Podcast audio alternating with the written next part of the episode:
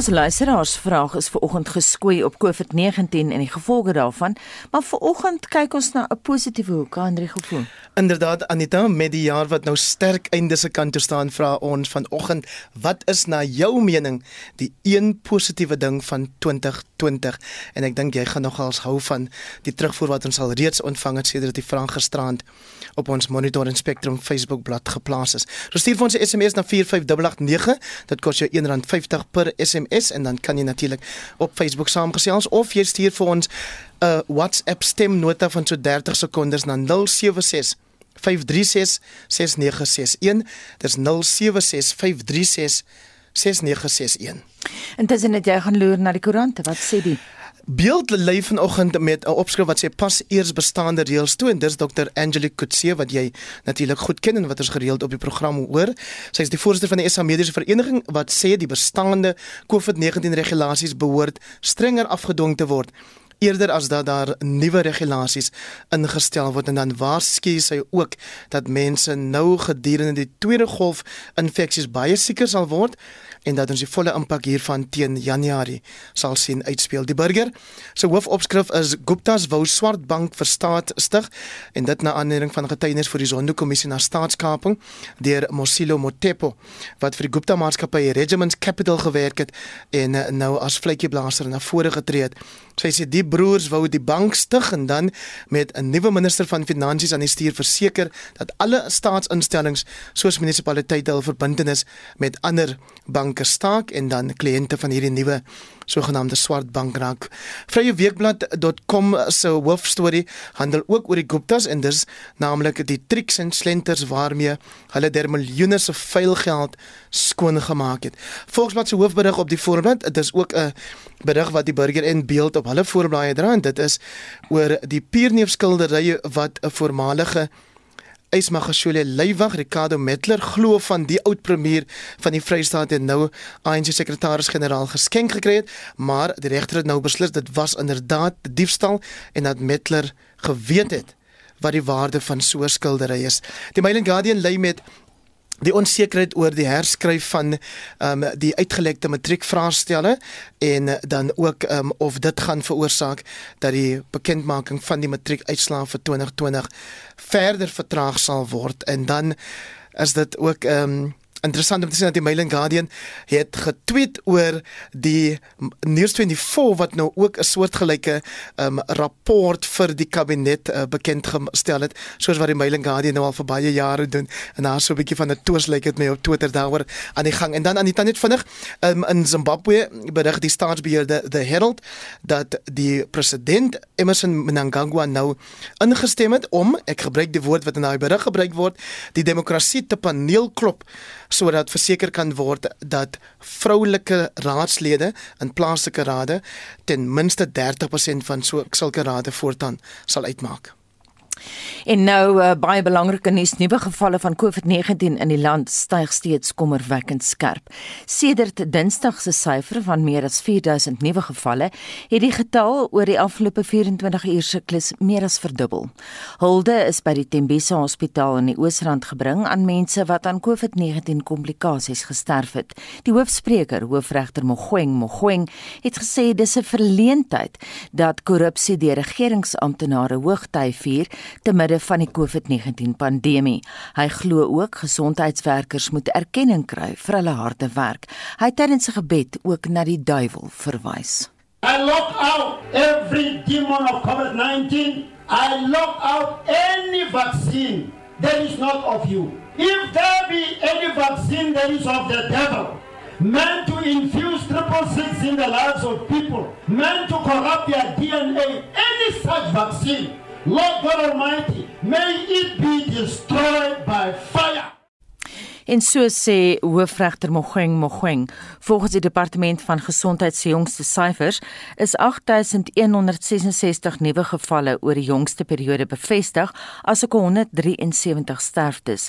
Meeste van die sterftes is in die Oos-Kaap, waar 90 bevestig is, asook 52 in die Wes-Kaap. Dit bring die dodetal landwyd op 22747 se staan en die totale bevestigde gevalle op 836765. Oor die afgelope 24 uur is meer as 45200 mense vir die virus getoets. Landwyd het 756671 mense egter herstel. Dis nou byna 17 minute oor 6. Die Solidariteitsfonds het tydens 'n virtuele konferensie gesê dat minstens 320 miljoen rand beskikbaar gestel is om inentings aan 10% van die land se bevolking beskikbaar te stel. Dis gelykstaande aan 6 miljoen mense. Die stap vorm deel van Suid-Afrika se betrokkeheid by die sogenaamde COVAX beweging wat hom beywer vir gelyke toegang tot inentings teen corona. Vincent Mofokeng het die besonderhede. Eindhoven, sowel gesondheidsorgwerkers en die kwesbaarste deel van die bevolking moontlik voorkeur sal geniet, sal die regering uiteindelik besluit oor die toekenning van die enstof. Die fonds het 'n totale bedrag van 3,1 miljard rand ingesamel. As you know from uh, what's been shared, uh, we've committed 320 odd million rand. Actually, uh, just to be clear, the amount that we've committed is actually a dollar amount. It's it's uh, around 19.2 million dollars. So the strengthening of the rand uh, is certainly in in uh, you know will help uh, uh, in our favor. Die bestuurshoof van die Solidariteitsfonds, Jonathan Bloomberg, sê die openbare gesondheidstelsel is voldoende toegerus om die tweede golf infeksies die hoof te bied. The mechanisms for supporting the public hospital system through the fund were firstly through the procurement of PPE and this was uh, the largest area of our support uh, approximately you know 900 million. The second area aside from PPE was the procurement of essential equipment including uh, ventilators. Uh, the fund has provided support to three provinces heavily impacted by the epidemic that's the Eastern Cape, the Western Cape and Gauteng. Die hoof van uitbetalings en ontplooiing, Nicola Galavik, sê meer as 120 miljoen en 40 miljoen rand is onderskeidelik toegewys aan voedselhulpprogramme en geslagsgeweldinisiatiewe.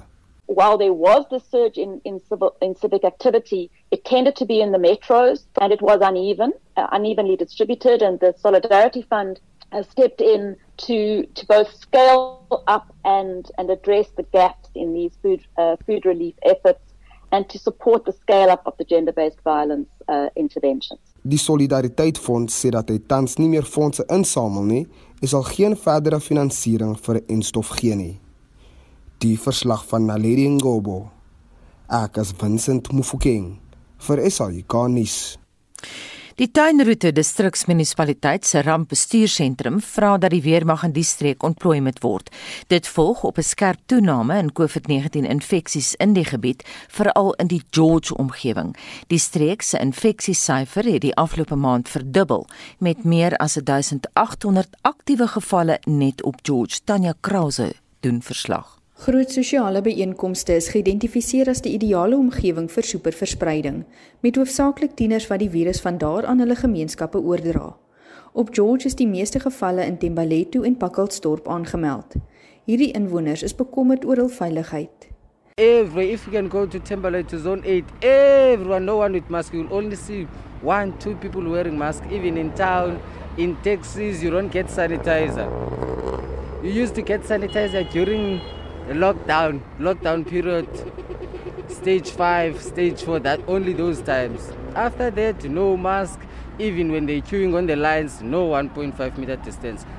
Die maskers word nie gedra nie, die hande word nie gewas nie. As hulle hulle maskers dra, dan sal hulle neus is nog oop.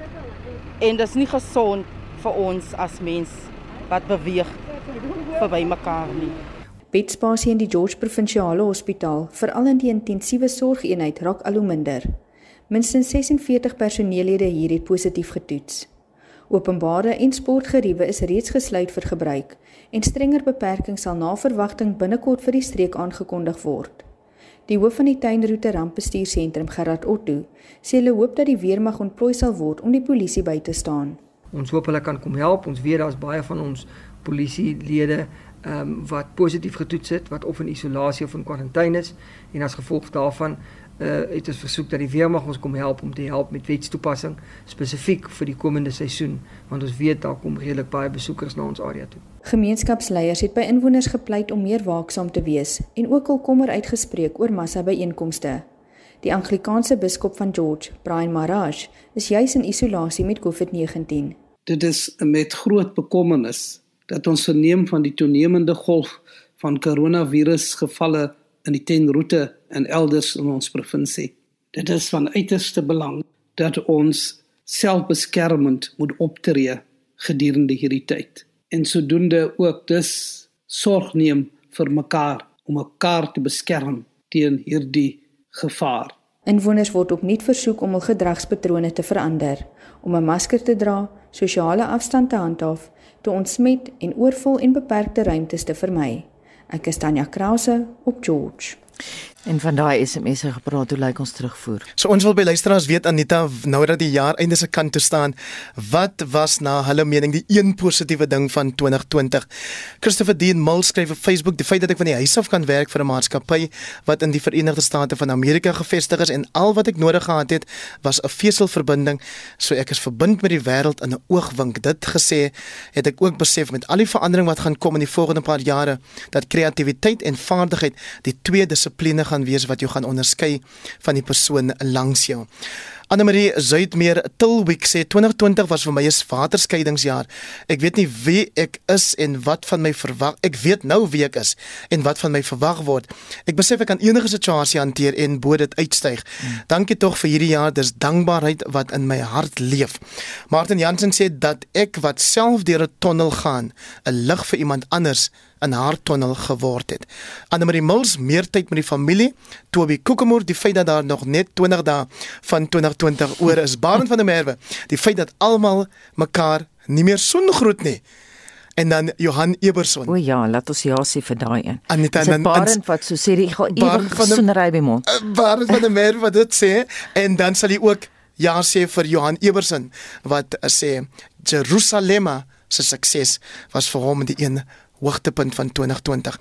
Stuur vir ons 'n SMS na 45889. Dit kos jou R1.50, soos jy weet, en dan kan jy natuurlik ook saamgesels op Monitor en Spectrum se Facebookblad of stuur vir ons 'n kort stemnota na 0765366961.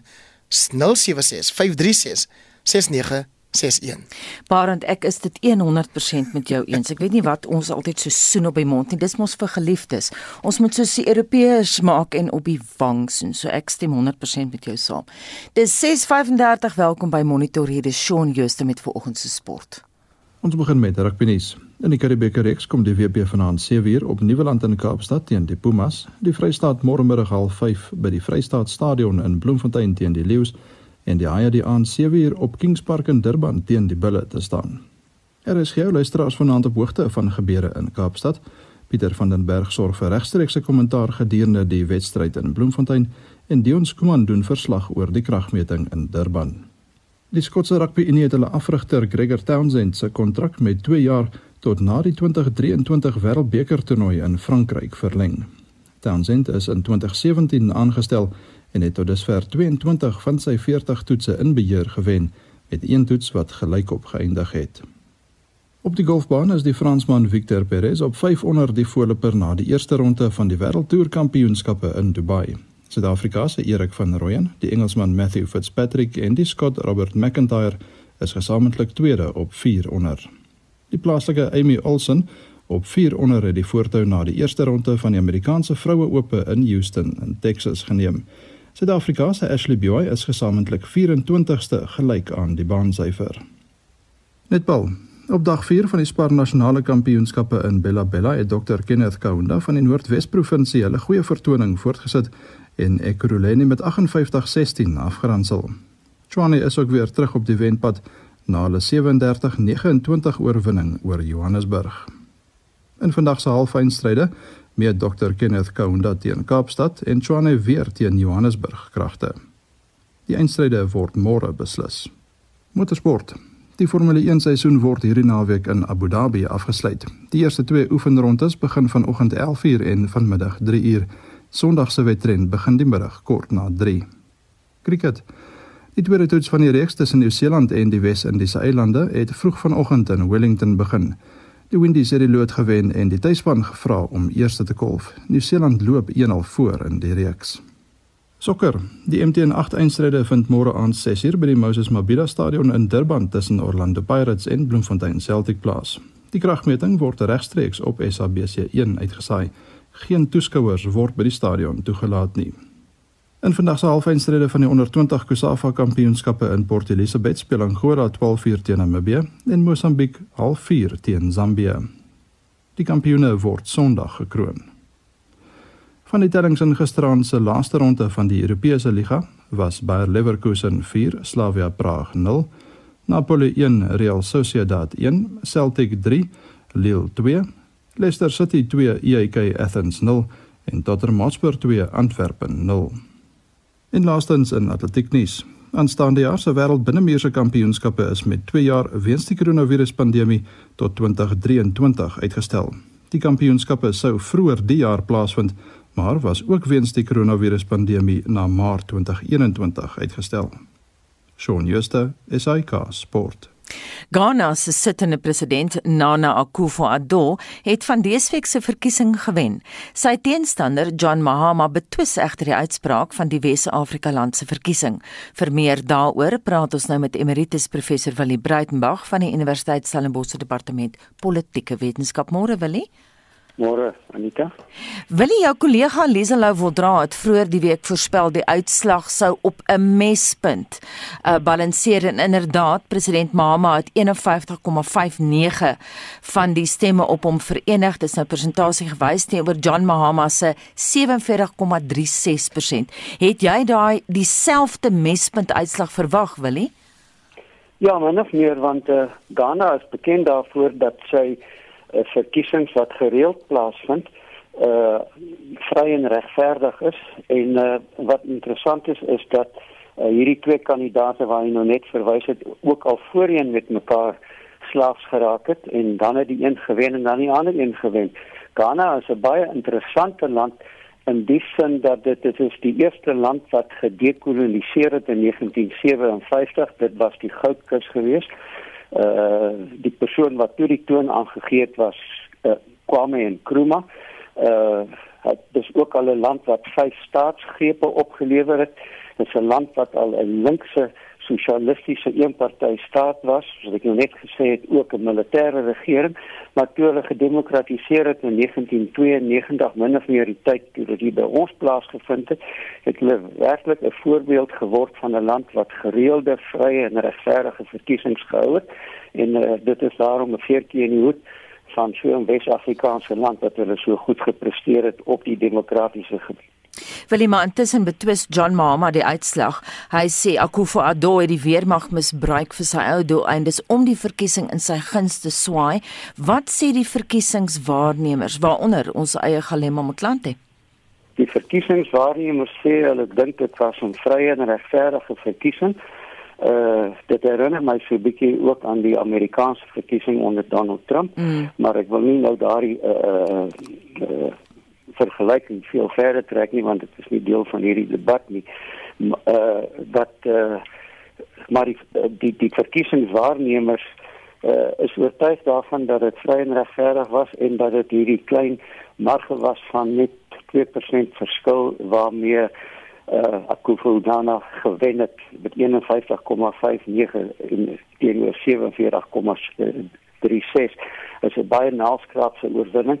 Uh seer sekerlik gaan hulle mekaar weer 'n keer oor 4 jaar van hierdie land soos Amerika elke 4 jaar presidentsiële verkiesings, dan gaan hulle waarskynlik weer met mekaar slaags raak en dan kan die uitslag andersom wees. Mhm. Mm Mama was self al president soos wat jy gesê het. Wil jy dink jy hy gaan dit nou verder voer? Wat is sy opsies nou? Hy is nou ongelukkig daaroor. Wel, hy moet nou maar net die beweringe wat hy maak kan bewys, ook soos in die geval van Amerika, dit moet bewys word. Die verkiesingskommissie staan uh ook die uh, ook die uh, buitelandse waarnemers wat daar was, dink ook dit was 'n vrye en regverdig. En hy moet nou maar net wag, hy gaan weer keer sy beurt kry oor 4 jaar wanneer daar weer verkiesings kom in 2024 en uh, op hierdie stadium kan 'n mens maar net vir hom sê soos wat mense Donald Trump wil sê vat jou pak en kom maar terug oor 4 jaar. Mhm. Mm en wil jy jou reaksie op die geweld wat met hierdie verkiesing uh, gepaard gegaan het? Die Ghanese polisie het 60 insidente van geweld gedokumenteer waarin 5 Ghanese dood is. Wat sou die rede vir die geweld wees? Want dit uh, die aanloop tot die verkiesing was baie rustig. Ja, ek is nie presies seker nie want die koerant sê ook nie vir ons hoekom daar geweld was en waarom daar insidente was nie. Dit lyk maar nou net uh, dit is hier 'n tipiese Afrika siekte soos in Zimbabwe en in Lagos, Nigerië. Uh speel die polisie maar altyd 'n rol tydens die verkiesings. Die vraag is net of hulle net op die oppositie pik en of hulle uh, dit eenvoudig in die naam van die koronavirus uh miskien die reëls streng probeer toepas want dit is 'n ander ding wat nou plaasvind naamlik dat uh, regerende partye laat nie die kans verby om in die lig van die koronavirus debat uh beperkings te plaas op die uh sametrekking of die bymekaar kom van groter getalle mense nie. In hierdie geval weet ons nie wat die agtergrond hiervoor is nie maar ek sou dink dit is teen hierdie soort van agtergrond wat die polisie bloot nou net vir die skare wil sê hulle is te groot, hulle moet kleiner wees. Mm -hmm. Ons het vroeër die week gepraat oor die feit dat een van die verkiesingsvraagstukke was skoolfooie.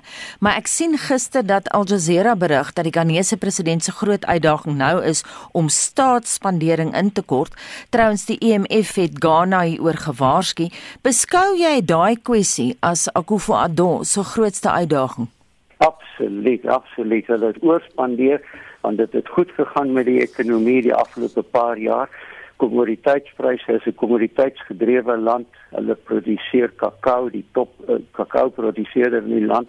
Hulle, hulle produseer ook 'n bietjie olie en goud en al daardie kommoditeite se waarde het afgeneem as jy dit vergelyk met uh, tot 5 jaar gelede en hulle het oorspandeer want gedink die gaans gaan altyd goue eiers lê en uh, dit is hoekom die land dan nou hierdie geweldig hoë skuldratio het naamlik 70% die verhouding van skuld tot die bruto nasionale produk is 70% wat besonder baie is in die internasionale monetaire fonds is ook bekommerd hieroor so dit is die groot prentjie agtergrond hiervan Baie dankie en so sê professor emeritus professor Willie Breitenberg van die Universiteit Stellenbosch se departement politieke wetenskap. Dis nou kwart voor 7. 6 miljoen van Venezuela se 30 miljoen inwoners is landuit. Een uit elke 3 ly honger en inflasie staan op 5000%. Ten spyte hiervan verkondig president Nicolas Maduro dat hy die pas afgelope verkiesing gewen het met byna 70% van die stemme alhoewel die verkiesing deur die vier hoofopposisiepartye geboikot is.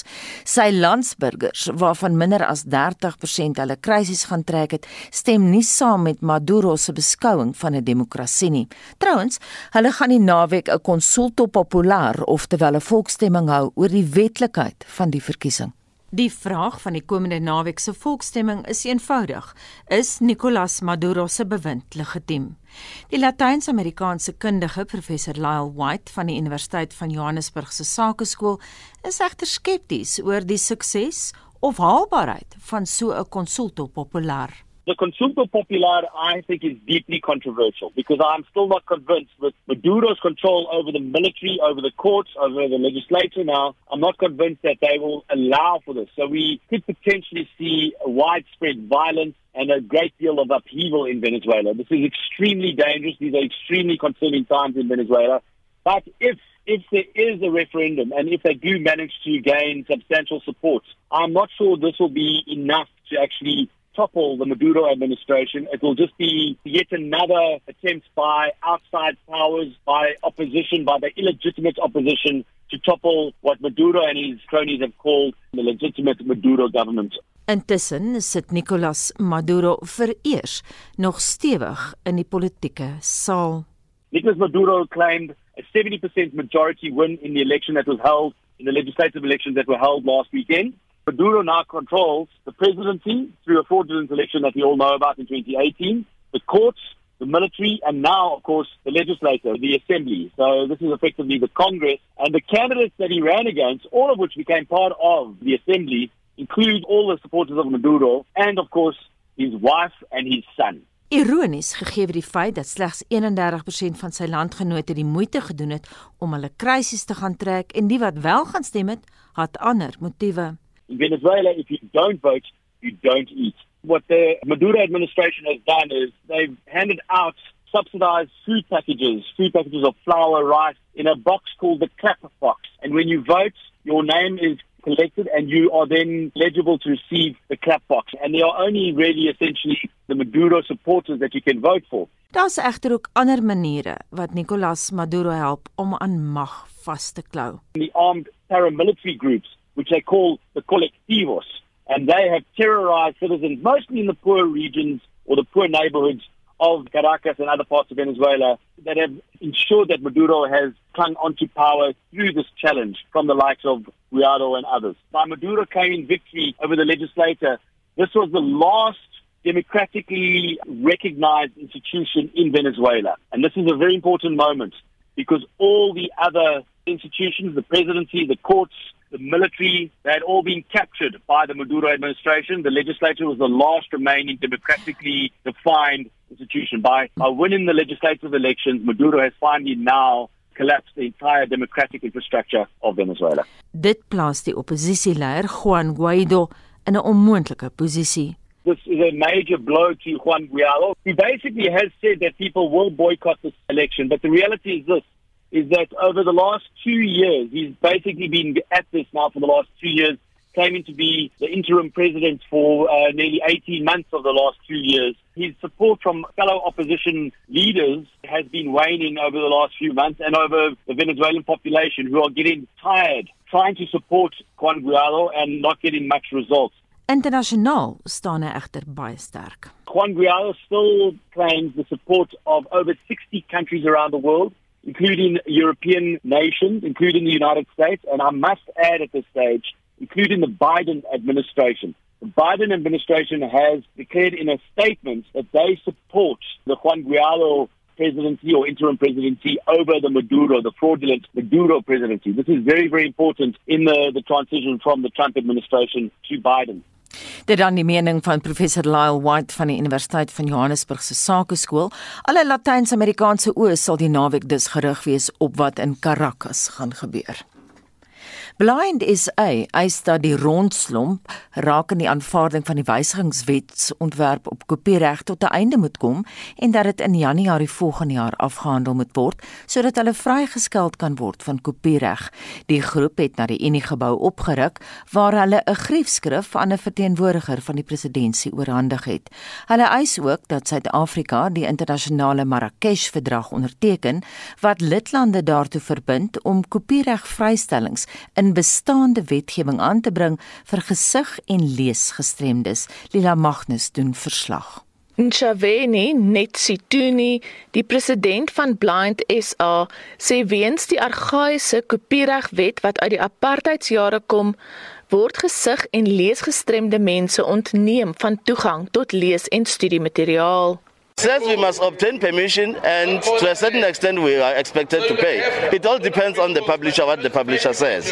If the publisher says, go and buy the book, uh, bring it to, to me as proof, then I can give you access. It means that I would have bought it, and from there, I'm going to buy it again with, with the conversion because conversions are not for free. Uh, if I want it in Braille, I must get it paid so that I can, I can have access to it. Then I would have paid twice. Die wysigingswetsontwerp op kopiereg maak voorsiening vir mense met leesgestremthede.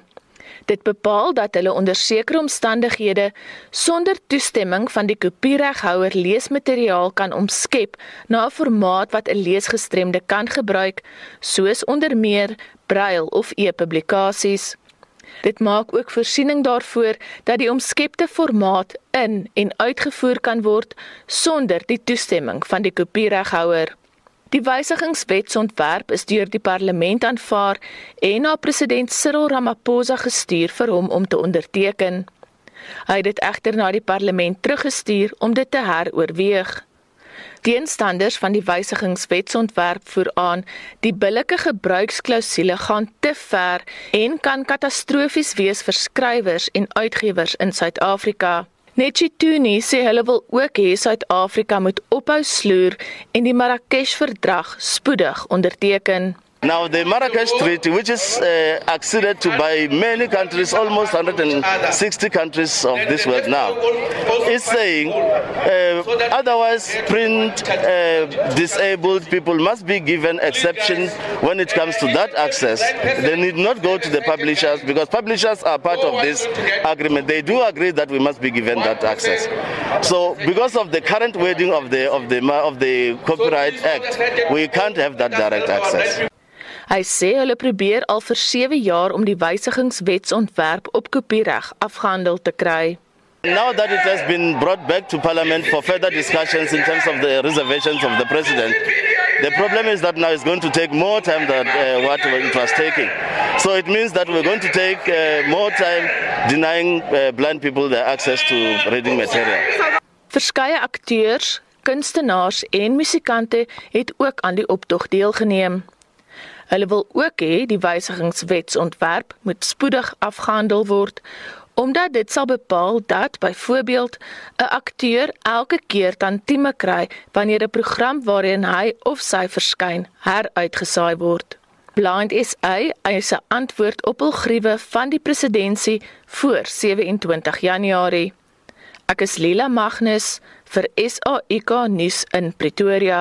Die landboubedryf se bydrae tot die bruto binnelandse produk van die ekonomie is te klein om die land se ekonomie reg te ruk, so sê die onafhanklike ekonom Fanie Brink. Die landbou se bydrae is maar baie klein en reg in vergelyking met al die ander bedrywe in die ekonomie en dit is maar gemiddeld oor die afgelope paar jaar is oor 2,3%. Jy sê dat president Ramaphosa se uitsprake oor die bedryf en grond onteiening dat dit groot beloftes inhou vir die vestiging van swart bestaansboere. Swart bestaansboere is tot nou toe nie werklik suksesvol volgens jou gevestig nie. Waarom is dit so? Die president verwys daarna juis omdat dit mooi lyk en beloftes van oorspronklik tye kan wees. Maar normaalweg gebruik jy die verkeerde syfer om dit te doen. Want onthou nou daar's twee syfers as die ekonomiese groei syfers bekend gemaak word. Een is die groeikoers van elke bedryf. Hoe die landbou hierdie kwartaal teenoor die vorige kwartaal gelyk. En dis wat hy gebruik en nie die bydrae tot die breë ekonomie wat nou net vir verjaar se bydrae is in terme van die, al die ander sektore nie. Nou omdat die landbou die grootste wisseling kwartaale jare ondervind kry jy dit dat daar 'n groot stygings is of 'n groot daling in die landbou se groeikoers. Die bydrae bly omtrent dieselfde. So in die groeikoers is daar groot verskille. Nou gebeur dit dan net nie toevallig nie, maar as daar nou 'n goeie syfer is, omdat dit 'n goeie jaar is in vergelyking met die vorige kwartaal, dan maak die president en baie ander ekonomiese en politieke kommentators daai tipe van uitspraak. Ja, en dit is 'n moeilike probleem die hele grond onteiening sonder vergoeding wat nie so goed gaan lyk soos wat hy maak nie. Nou wat is die probleem omdat ons swart kommersiële boere nie gevestig word wat word nie gedoen nie? Praat weer van twee goed want ek dink ook aan die ondersteuning wat die minister nou maandag gegee het maar dit was aan die swart opkomende boere. So ons moet daai verskil tref. En hulle is die wat nou die meeste aandag kry nog altyd om gevestig te raak en te ontwikkel. Die ander groep is die swart kommersiële boere wat saag maar seker baie stadiger maar seker ook aan die ontwikkeling kom Maar 'n bestaansboer het nog nêrens in die hele Afrika oorleef eintlik. En as hulle oorleef het, soos ek onlangs gesê gesien het in Afrika, dan is 60% van die hele populasie wat onder bankvoeding ly. 60% daarvan is bestaansboere. Boere kan nie oorleef as hulle nie wins maak nie. Nou bestaansboere ja, hulle wil nou vreeslik gwaar gewig aan lê dat huishoudings 'n klein tuintjie en so nou vir hulle self kan sorg. Maar dit maak nie bydra tot die landbou regtig. Die minister het nou maandag aangekondig dat hulle hulppakkette aan die bestaansboere gaan gee tussen 1000 en 90000 rand vir mense waarvan omtrent so 75000 sal kwalifiseer. Wat is jou probleem hiermee? Hulle help hulle altyd finansiëel, in die meeste gevalle net vir hulle, maar hulle raak nog nie gevestig nie. Want dit is maar 'n klein deel van die bydrae om te gaan boer. As jy nie kan wins maak as jy gaan boer nie, gaan dit nie veel beteken nie en wat my betref ek doen weer dieselfde ding is om hierdie boere totaal afhanklik van hulle self te maak. En dit gaan hulle nog baie geld uit hulle sakke jag in die toekoms. Watter rol speel die feit dat hierdie boere nie die grond besit nie? Die belangrikste is maar dat hulle nie uh, sekuriteit het nie. So hulle kan nie na 'n bank toe gaan en gaan aan so doen vir 'n lening nie, want hulle het geen sekuriteit nie. Ondersteuning wat die departement aan hierdie boere moet gee is swak. Voorsien jy dat dit kan verander? Nee, ek kan nie sien dat dit kan verander nie. Ek dink net nie hulle ding sou op die mannekrag van die departement van landbou om dit te kan doen soos dit in die verlede gedoen is met manne wat jarelange tegniese vaardighede en, en ontwikkelingsvaardighede ontwikkel het. Jy praat van wanneer die ekonomie 'n duie stort. Het jy 'n tydsraam? Ek kom 'n lank pad in die ekonomie nou dat ek in die landbou was en ja, en dinge loop verkeerd. Ons het ons nou nog lank tyd gesien. Ek kan nie sien hoe gaan die ekonomie weer groei nie.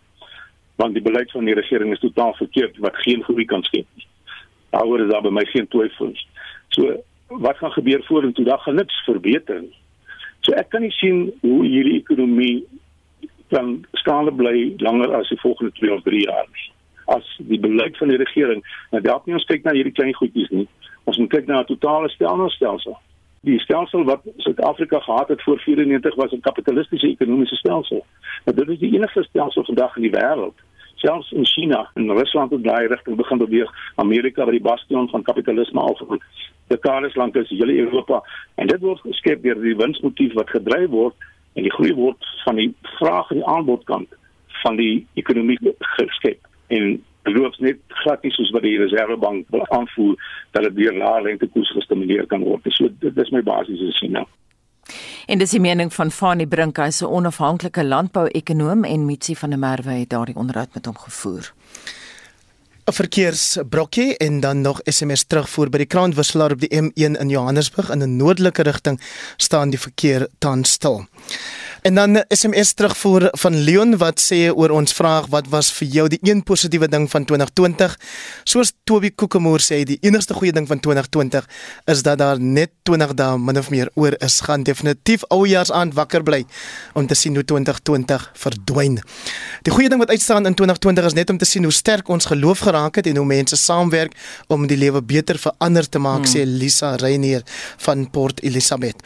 Wat julle nie oor die lig sê nie, sê hierdie hierdie luisteraar is dat daar nog steeds meer mense hierdie jaar 2020 aan griep dood is as die kamptige COVID-19 en dan Elisabeth, Elisabeth van Durban wat sê einde aan bladskit en Anita Soengroet het vir haar uitgestaan van hierdie jaar. Op Facebook sê Frederik Thomas Botha omtrent die hele land hierdie lot, lotto gewen met nommers wat geen regdenkende mens sou kies nie. Dit natuurlik die ander dag. En dan Cecilia Massain Ferreira wat sê dat ek en my familie nog gesond en gespaar is. Die jaar kom tot 'n einde met drie uitroeptekens sê Rina Vink en Hannes Engelbrecht wat sê die die dat parlementslede van hul huise af moes werk en nie in hotelle en so voort in die Kaap gebly het nie. Miljoene moes gespaar gewees het of dit is soos wat hy dink. Johan Botha sê dat die jaar 2020 verby is is vir hom ook iets om na vorentoe te kyk. En dan Selassie Maja wat sê no positive things if 2020 of 2020 but corruption and poverty. Mm. Stuur vir ons 'n SMS na 45889, dit kos jou R1.50 en ek is dan teen so 7:30 weer terug met terugvoer. En dit bring ons by 7:00.